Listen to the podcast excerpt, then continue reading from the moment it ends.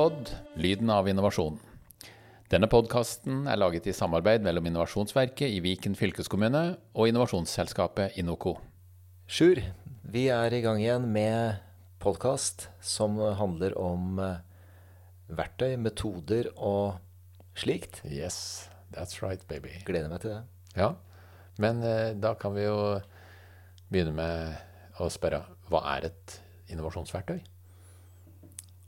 Ja, det er jo sikkert ikke sånn at vi har akkurat den riktige definisjonen på det, men Nei. det kan jo være at det er en eh, metode på mange måter som andre har noen metoder for å gjøre jobben sin. Ja, som tannlegen som skal gjøre noe når det er en pasient som trenger hjelp til noe, så gjør man ikke det helt tilfeldig. Nei, nei. Det er noe man eh, kjenner til, man kan slå det opp et sted. Man har gjort det en del ganger, man vet hva som virker og ikke virker. Og det, det er jo det er litt som jeg snakka med en tannlege som drev med rotfylling.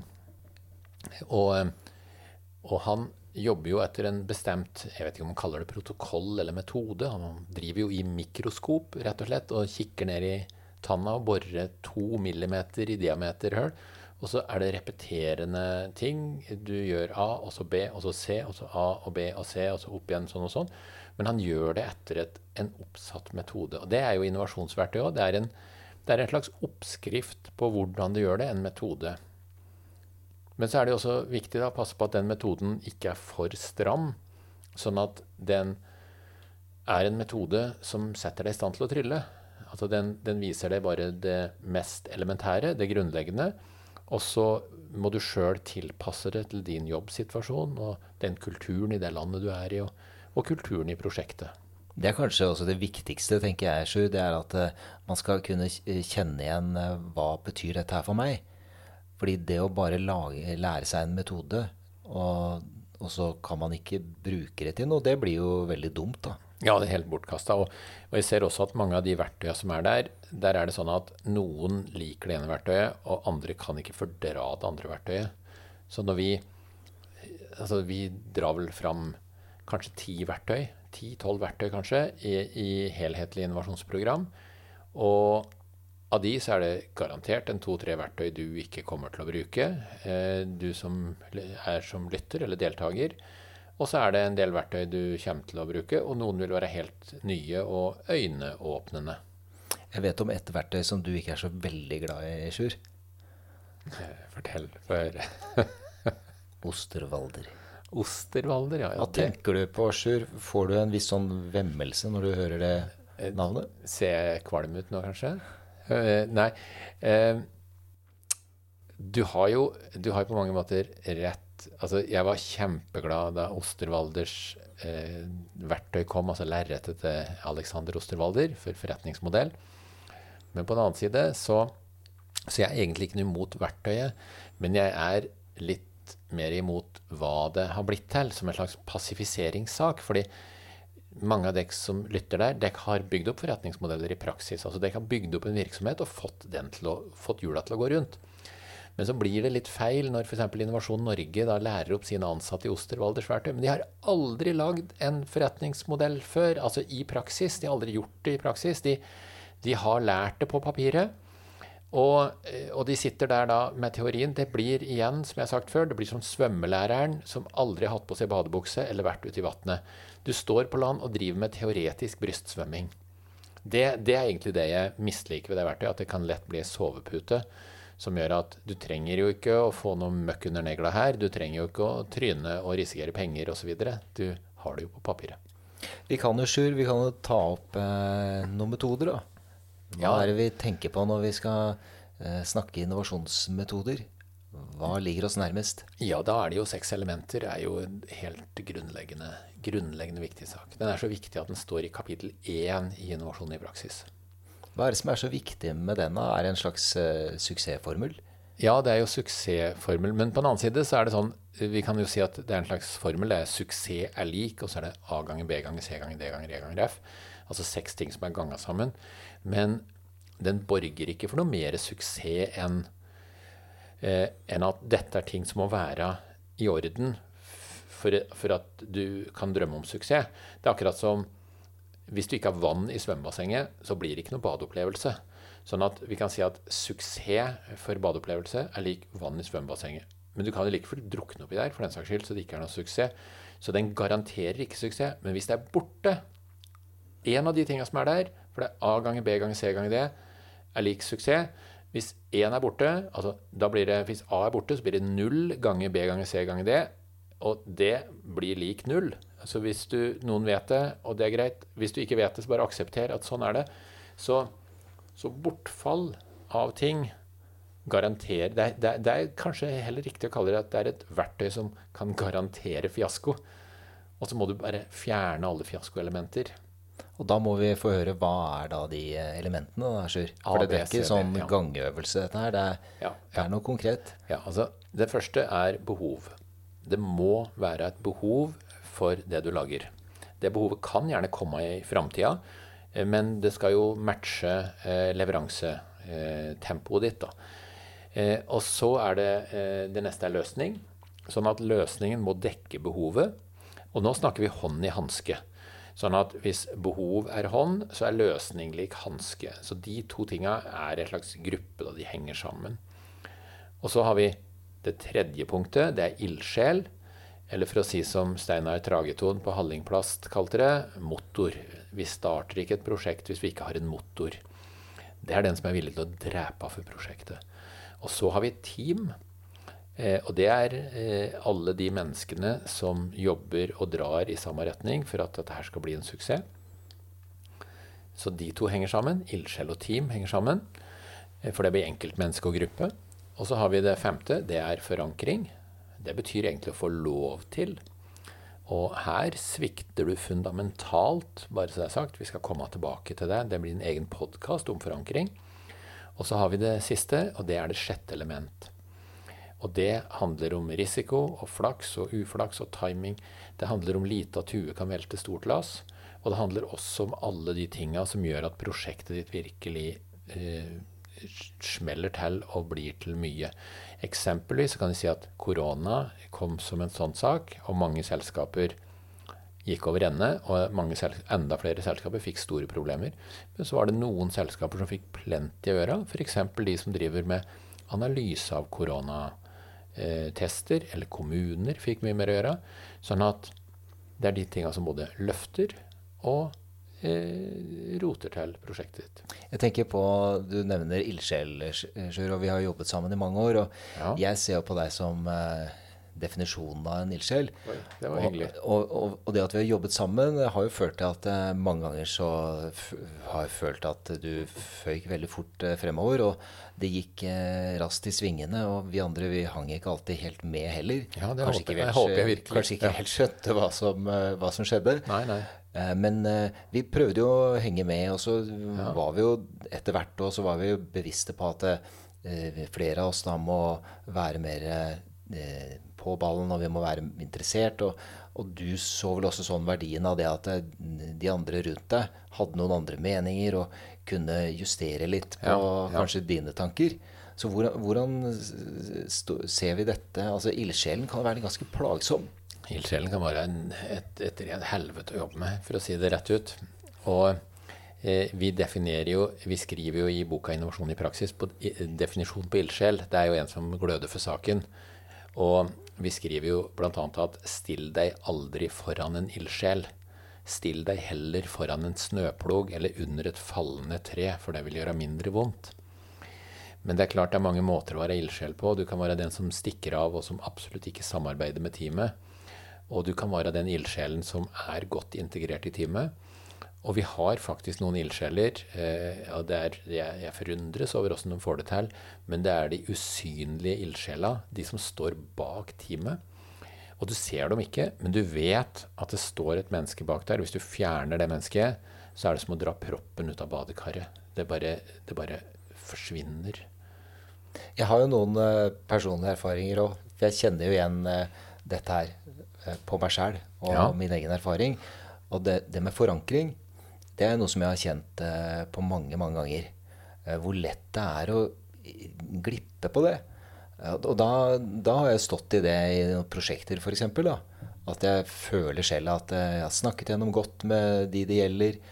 Vi starter opp, og det er full støtte. Og så går det noe tid, og så har jeg kanskje i ettertid da, så ser jeg kanskje ikke har vært like flink til å holde de orientert og informere og få de til å spille inn noen synspunkter. Og så går tida, og det skal tas noen beslutninger, og så har jeg mista de helt. Ja, det er eh, men, og nå er du inne på forankringsbiten. Og som jeg sa tidligere, det, det, er her, det, er jo her, ting svikter. Forankring består av to ting. Det består av kommunikasjon, og det består av involvering. Eh, og da kan jo eh, du, kjære lytter, stille deg spørsmålet, da, hvis du tenker tilbake på et eller annet prosjekt som du har gjort en gang i tida, og som gjerne ikke gikk bra. For det er ofte der vi lærer mest. Kommuniserte du godt nok? Eh, det er det ene. Og jeg kan si deg hva svaret er. Svaret er nei. Det er så få som kommuniserer bra nok. Når du har sagt en ting så mange ganger at du holder på å spy av det, så er det så vidt folk husker det. Og det andre spørsmålet du kan stille deg, er involverte du de andre? Eller oppførte du deg sånn som et barn gjør, at du skulle gjøre det fiks ferdig, og så skulle du komme og presentere til mor og far, og så skulle de si 'Å nei, så flink du var nå. Har du fått til dette helt alene?' Og så får du tommelen ned etterpå. Eh, og det er det mange som har opplevd. Så oppfør deg på en voksen måte. Også, og husk på, den, en av de beste forankringene, det er bare å servere drømmen om noe, og så få folk til å tro på drømmen. Og så lager vi det sammen. Da har du virkelig involvert. og Da har du virkelig forankra det godt. Og da er det også en risiko, og det er at du aner ikke hvordan det blir. Det blir ikke din baby, det blir vår baby. Og det er to forskjellige ting. Litt om eh, behov og løsning. Ja. Jeg syns jo det er spennende, Sjur. Det er alltid spennende. Når jeg møter folk eh, som kommer med et prosjekt, så er det jo alltid gøy å se hvor er det de starter hen. Og veldig mange ganger så eh, er det jo sånn at eh, de starter jo med en løsning. Ja, helt Og vi typisk. har jo jobben da å hale i dette her og utfordre og si det at det, eh, det viktige før vi er sikre på at denne løsningen, så må vi vite hvor vi begynner. Og hvem er kunden, og hvem er involvert, og mm, -hmm. Hva er egentlig behovet. Og da er det jo i boka 'Innovasjon i praksis' så illustreres jo dette her med en stor rød L som ja. dekker en hel foil, når man ser det på den måten. Ja, ja, ja. Uh, det er jo for å rope litt varsko, varsko. Her går vi altfor fort til verks. Vi halser av gårde. Vi har dårligere tid enn det vi egentlig uh, trenger å ha. Så uh, noen tanker om det, Sjur? Ja, det har jeg. For det første så stor rød L er jo L betyr løsning. Og eh, stor rød L, det er hele begrepet har vi, har vi kopiert. Altså Folk driver og prater på stjel ifra andre. Og det skjønner jeg, men ikke stjel. Kopier. For å stjele, det det er moralsk forkastelig. Mens, eh, mens, å kopiere innenfor innovasjon, det er helt vanlig. Så kopier med glede og med stolthet osv. Og, så og vi har kopiert det fra USA.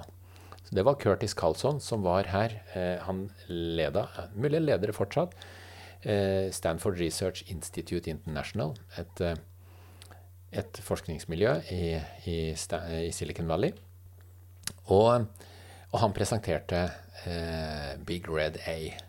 A for approach, altså A for approach, som egentlig betyr løsning. Så vi kalte det store L på norsk for løsning.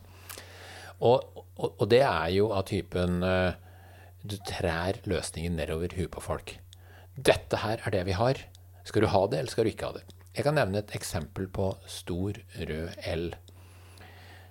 Eh, hvis du er så uheldig at du har kjøpt deg elbil, og flere av dere som sitter her og lytter, dere har ikke elbil. Og da kan jeg bare advare deg og si at du har et helvete foran deg når du skal ha deg elbil. Og du som er Tesla-eier, du vet ikke om dette her. Men når du skal eh, lade Eller jeg skal fortelle en eh, Jeg skal ta det som en ja, For du har noen personlige erfaringer ja, som eh, du har egentlig slitt litt med? Jeg har hatt elbil i tre uker. ja.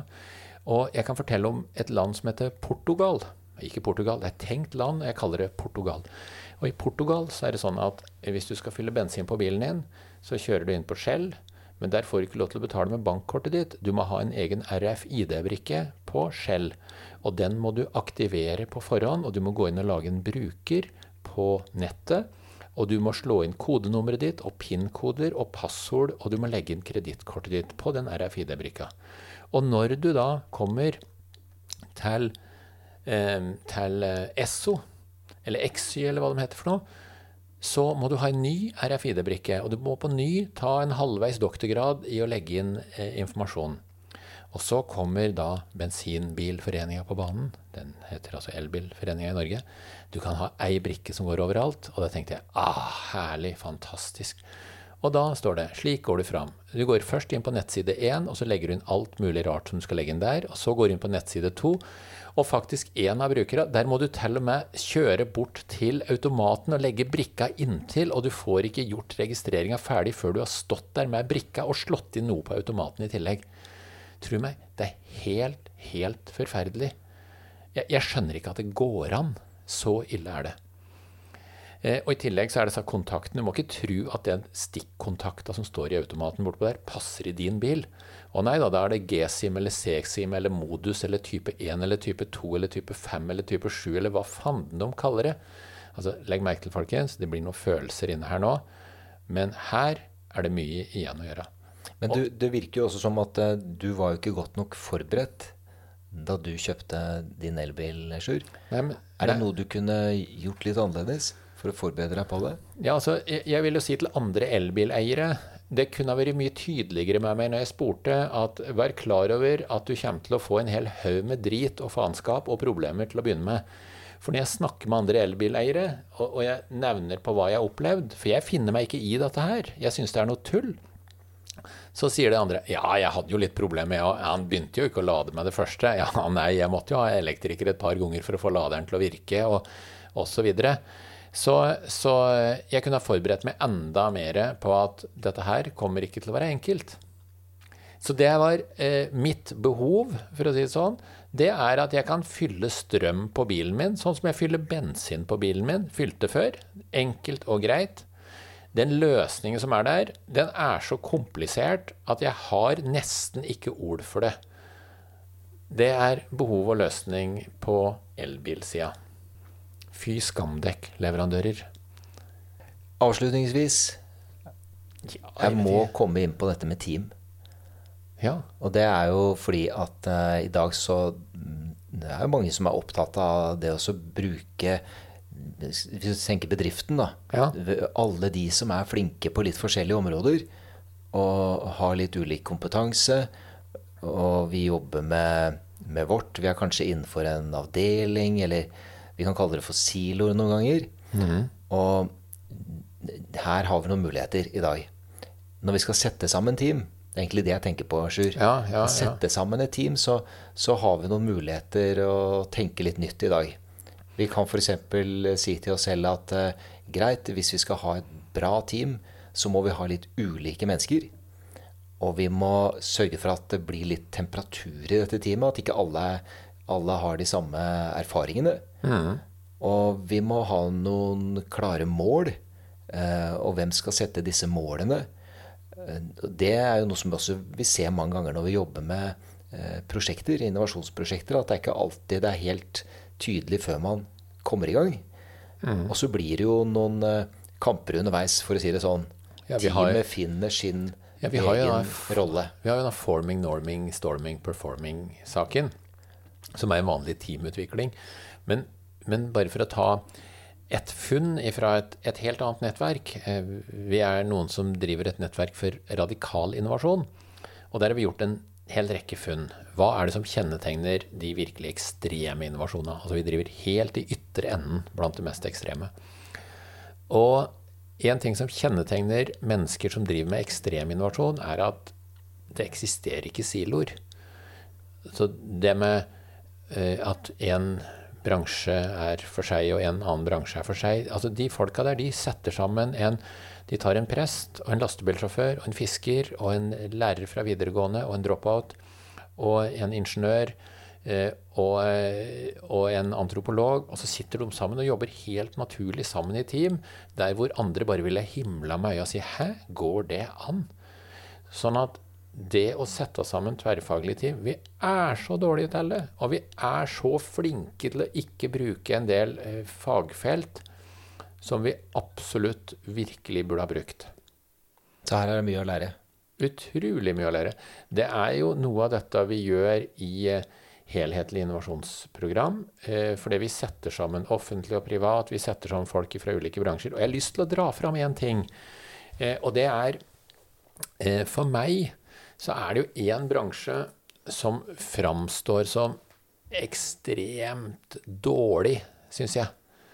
Eh, og, og, nå vet jeg at dette kommer til å provosere noen, og det er fint. Eh, for det er egentlig det jeg vil òg, og det er reiselivsbransjen. Og vi har, eh, vi har altså reiselivsbransjen. De har så mer enn nok med seg sjøl.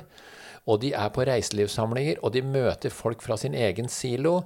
Og, og vi ser det jo i Innovasjonsløftet òg. Vi har med folk fra reiseliv inn i Innovasjonsløft, og så får de litt for mye å gjøre, eh, som alle de andre gjør, og de forsvinner rett ut igjen. Så reiseliv er en sånn silobransje som absolutt eh, hadde hatt godt av å få revet ned av veggen sin.